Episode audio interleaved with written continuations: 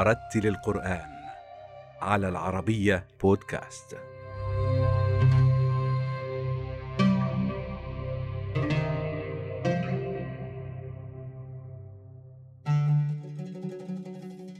ولد القارئ محمد أسفنديار دلاور في مدينة كاراتشي الباكستانية وفيها بدأ خطواته الأولى في حفظ القرآن الكريم وتعلم اللغة العربية قبل انتقاله للدراسة في المدينة المنورة حيث تلقى علوم القرآن على يد عدد من كبار حفاظها. وتولى الإمامة في عدد من المساجد قبل تدرجه في المراتب الأكاديمية ليدرس في عدد من الجامعات الإسلامية في باكستان قبل استقراره في ماليزيا مدرسا بالجامعة الإسلامية العالمية. طبعا نحن كنا نتعلم القرآن عندنا في باكستان الطريقة بأننا نتعلم أولا القرآن الكريم نظرا. فكان هناك أحد المشايخ الذي كان يدرسنا اسمه الشيخ محمد ياسين. فهذا الشيخ راح لقريته ثم جاء بداله رجل, رجل آخر والشيخ آخر. فكان يتكلم معنا بأن في شيخ من مصر واسمه الشيخ عبد الباسط وقرأ سورة الرحمن كاملة بنفس واحد. فطبعا أنا استغربت وتشجعت بهذه الفكرة وبقوله. فطبعا بدأنا بدأت الرحلة من هناك يعني مع القرآن الكريم. ثم اشتريت أشرطة للشيخ عبد الباسط رحمة الله عليه وبدأت أتدرب صوتي على صوته. وشاركنا في كثير من المسابقات في على مستوى كراتشي وعلى مستوى يعني باكستان. وأخذت المراكز الأول فيها الحمد لله. ثم حفظنا القرآن وحفظت القرآن الكريم وكان عمري تقريبا 12 سنة. وفي خلال سنة و سنة وشهرين يعني في أربعة أربعة عشر أشهر حفظت القرآن الكريم كاملا الحمد لله. وبعد ذلك تعلمنا العلوم الشرعية والأدبية في كراتشي وثم ذهبنا إلى الجامعة الإسلامية وتخرجنا من كلية القرآن الكريم. طبعا قبل أن أذهب إلى كلية القرآن الكريم درست القراءات العشر الحمد لله. ثم أخذنا الإجازات والسند في القراءات العشر على مشايخنا. ثم بعد التخرج من الجامعة الإسلامية أتينا هنا إلى ماليزيا. وعينا عينت محاضر في في قسم التلاوة الحمد لله. فهذه رحلة بالايجاز مع القرآن الكريم. طبعا عندنا في باكستان البيئة هكذا. مثلا إذا واحد يبغى يصير قارئ القرآن الكريم فينبغي عليه أن يتقلد بصوت الشيخ عبد الباسط رحمة الله عليه. حتى لو كان عنده صوت مرتل صوت جميل ولا يستطيع أن يقرأ بالمدرسة المصرية لا يعد من القراء. لازم أن يحيي الحفلات القرآنية بصوت بصوت الشيخ عبد الباسط رحمة الله عليه. وعلى ما أعتقد ربما يعني في الستينات الشيخ عبد الباسط عبد الصمد رحمة الله عليه هو كان من الأوائل الذي زار باكستان واشتهر كثيرا حتى تأثر الحفاظ والقراء وتأثروا بصوته إلى يومنا هذا. فهذا ربما يكون السبب الرئيسي لأنه من القراء المصريين الأوائل الذين زاروا باكستان وتأثر كثير وأخذ التشجيع والشهرة من قبل القراء الباكستانيين فهم شجعوا تلامذتهم على هذا. فربما هذا يكون باعتقادي السبب الرئيسي لشهرة المدرسة المصرية وطبعا بدأت من شيخ عبد الباسط عبد الصمد رحمة الله عليه. أعوذ بالله من الشيطان الرجيم.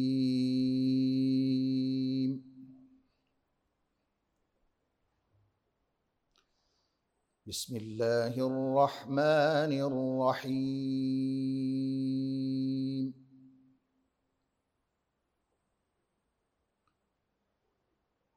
عسى ربكم أن يرحمكم وإن عدتم عدنا.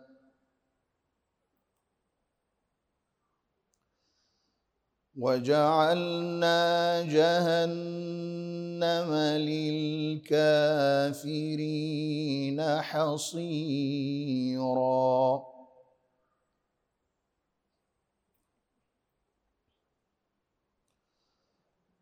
إن هذا القرآن يهدي للتي هي أقوم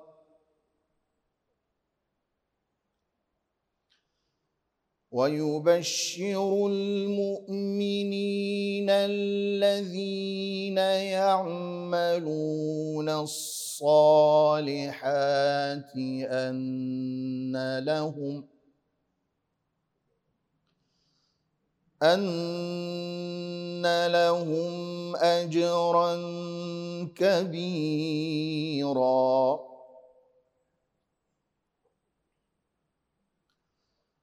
وأن الذين لا يؤمنون بالآخرة أعتدنا لهم عذابا أليما. ويدعو الإنسان بالشر دعاءه الخير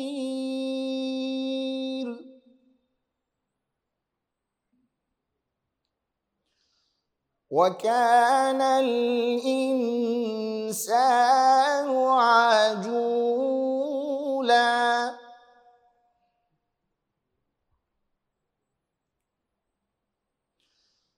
وجعلنا الليل والنهار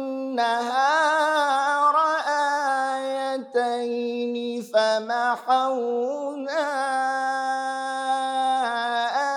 آية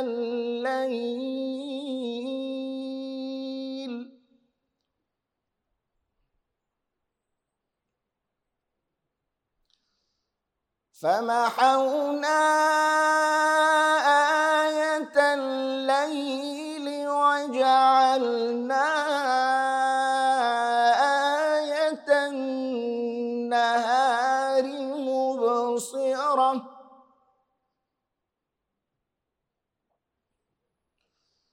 وجعلنا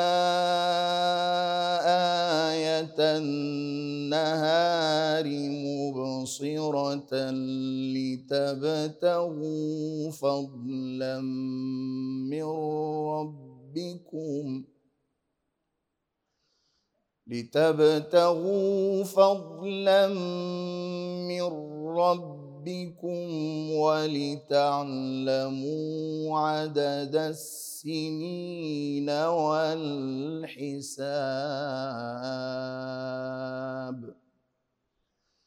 وكل شيء فصلناه تفصيلا صدق الله العظيم.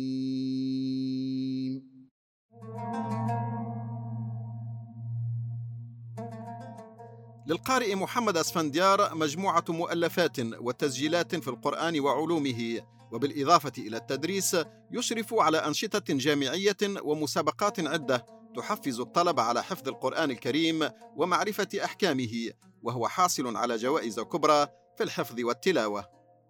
علم القراءات هو طبعا يعني آه، علم دقيق جدا يعني يحتاج له آه، رغبة من من من من طلبة طلبة خاصة من من الحفاظ.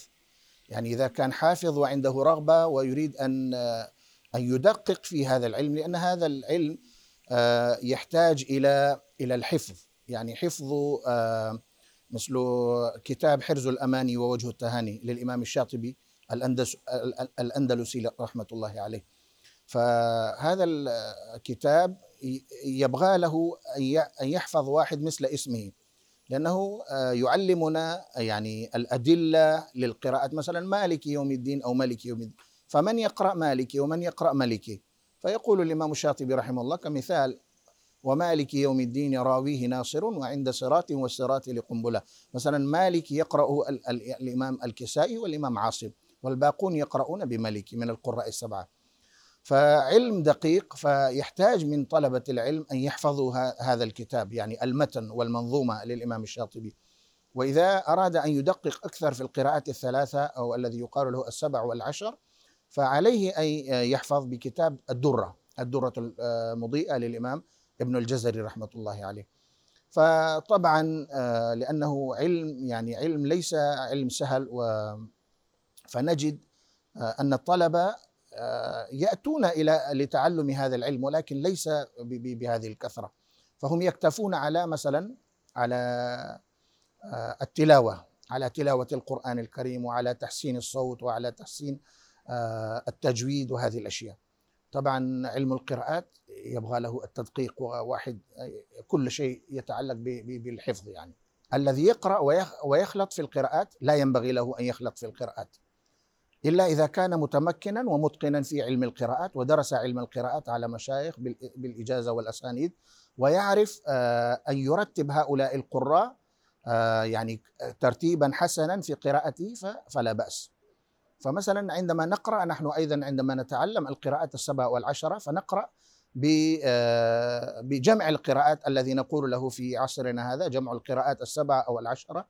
فهناك ترتيب يعني نراعي ترتيب لجميع القراء. فمثلا من نقرأ أولا؟ مثلا نقرأ قالون ثم نقرأ الشخص آه، من القراء الذين أقرب للوقف ثم الذي أقرب بعده ثم فهذا الترتيب لا يأتي إلا إذا حفظ المتون. فلازم يعرف الأصول للقراء السبعة أو العشرة وبعد ذلك يسمح له أن يقرأ. طبعا آه، القراءة الدارجة في جميع أنحاء العالم إلا بعض البلدان مثلا زي ليبيا يقرأ فيها رواية قالون أو مثلا السودان يقرأ فيها دوري أو آه، قالون أيضا وتونس عندكم يقرؤون قالون على ما أعتقد. ولكن القراءة الدارجة في في العالم هي رواية, رواية سيدنا الإمام حفص رحمة الله عليه. سيدنا الإمام حفص رحمة الله عليه هي الرواية الدارجة الذي يروي عن سيدنا الإمام عاصم آه، رحمة الله عليه. آه، الكوفي سيدنا الإمام عاصم الكوفي.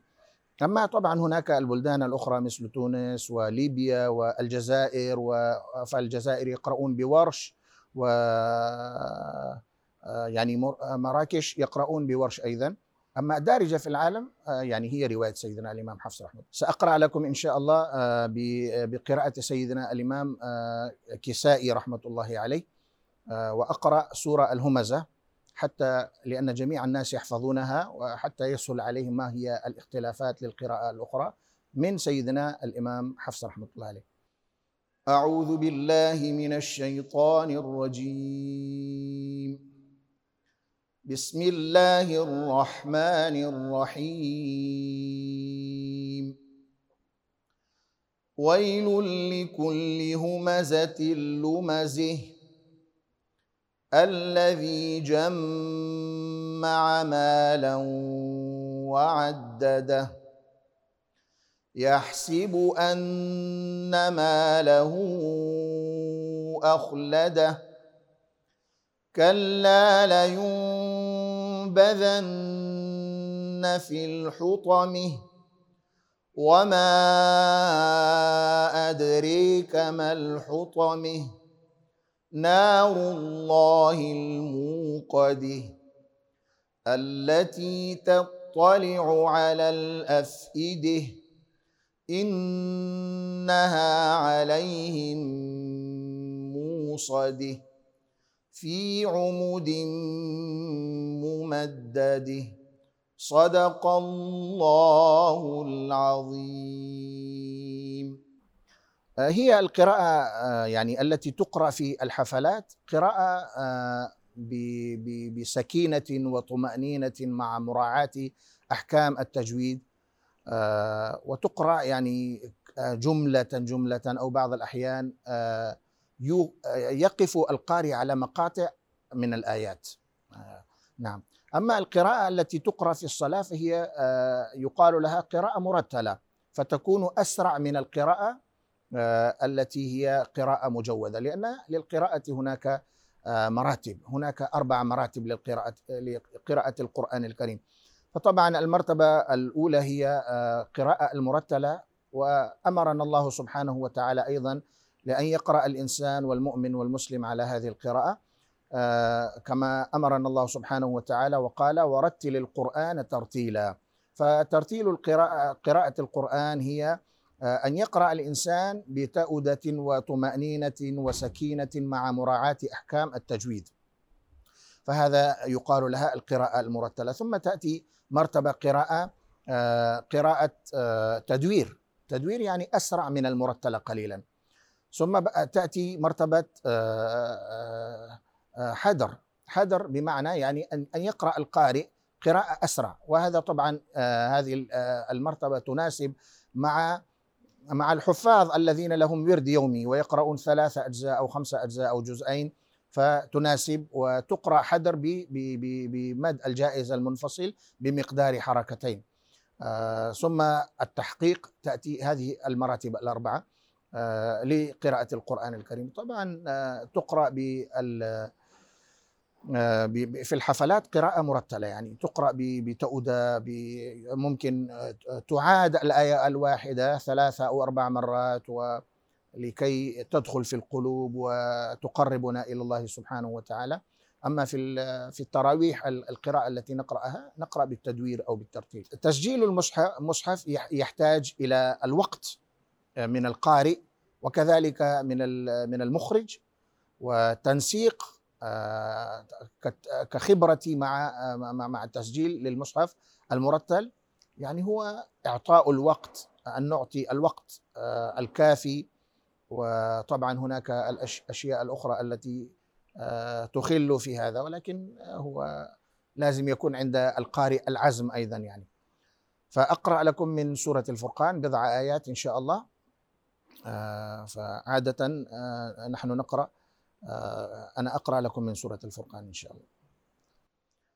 أعوذ بالله من الشيطان الرجيم. بسم الله الرحمن الرحيم. تبارك الذي جعل في السماء بروجا وجعل فيها سراجا. وجعل فيها سراجا وقمرا منيرا. وهو الذي جعل الليل والنهار خلفة لمن أراد أن يذكر خلفة لمن أراد أن يذكر أو أراد شكورا. وعباد الرحمن الذين يمشون على الأرض هونا وإذا خاطبهم الجاهلون وإذا خاطبهم الجاهلون قالوا سلاما والذين يبيتون لربهم سجدا وقياما والذين يقولون ربنا اصرف عنا عذاب جهنم إن عذابها كان غراما إنها ساءت مستقرا ومقاما والذين إذا أنفقوا لم يسرفوا ولم يقتروا وكان بين ذلك قواما والذين لا يدعون مع الله إلها آخر ولا يقتلون النفس ولا يقتلون النفس التي حرم الله إلا بالحق ولا يزنون. ومن يفعل ذلك يلقى أثاما يضاعف له العذاب. يضاعف له العذاب يوم القيامة ويخلد فيه مهانا. إلا من تاب وآمن وعمل عملا صالحا فأولئك يبدل الله سيئاتهم حسنات. فأولئك يبدل الله سيئاتهم حسنات وكان الله غفورا رحيما. صدق الله العظيم.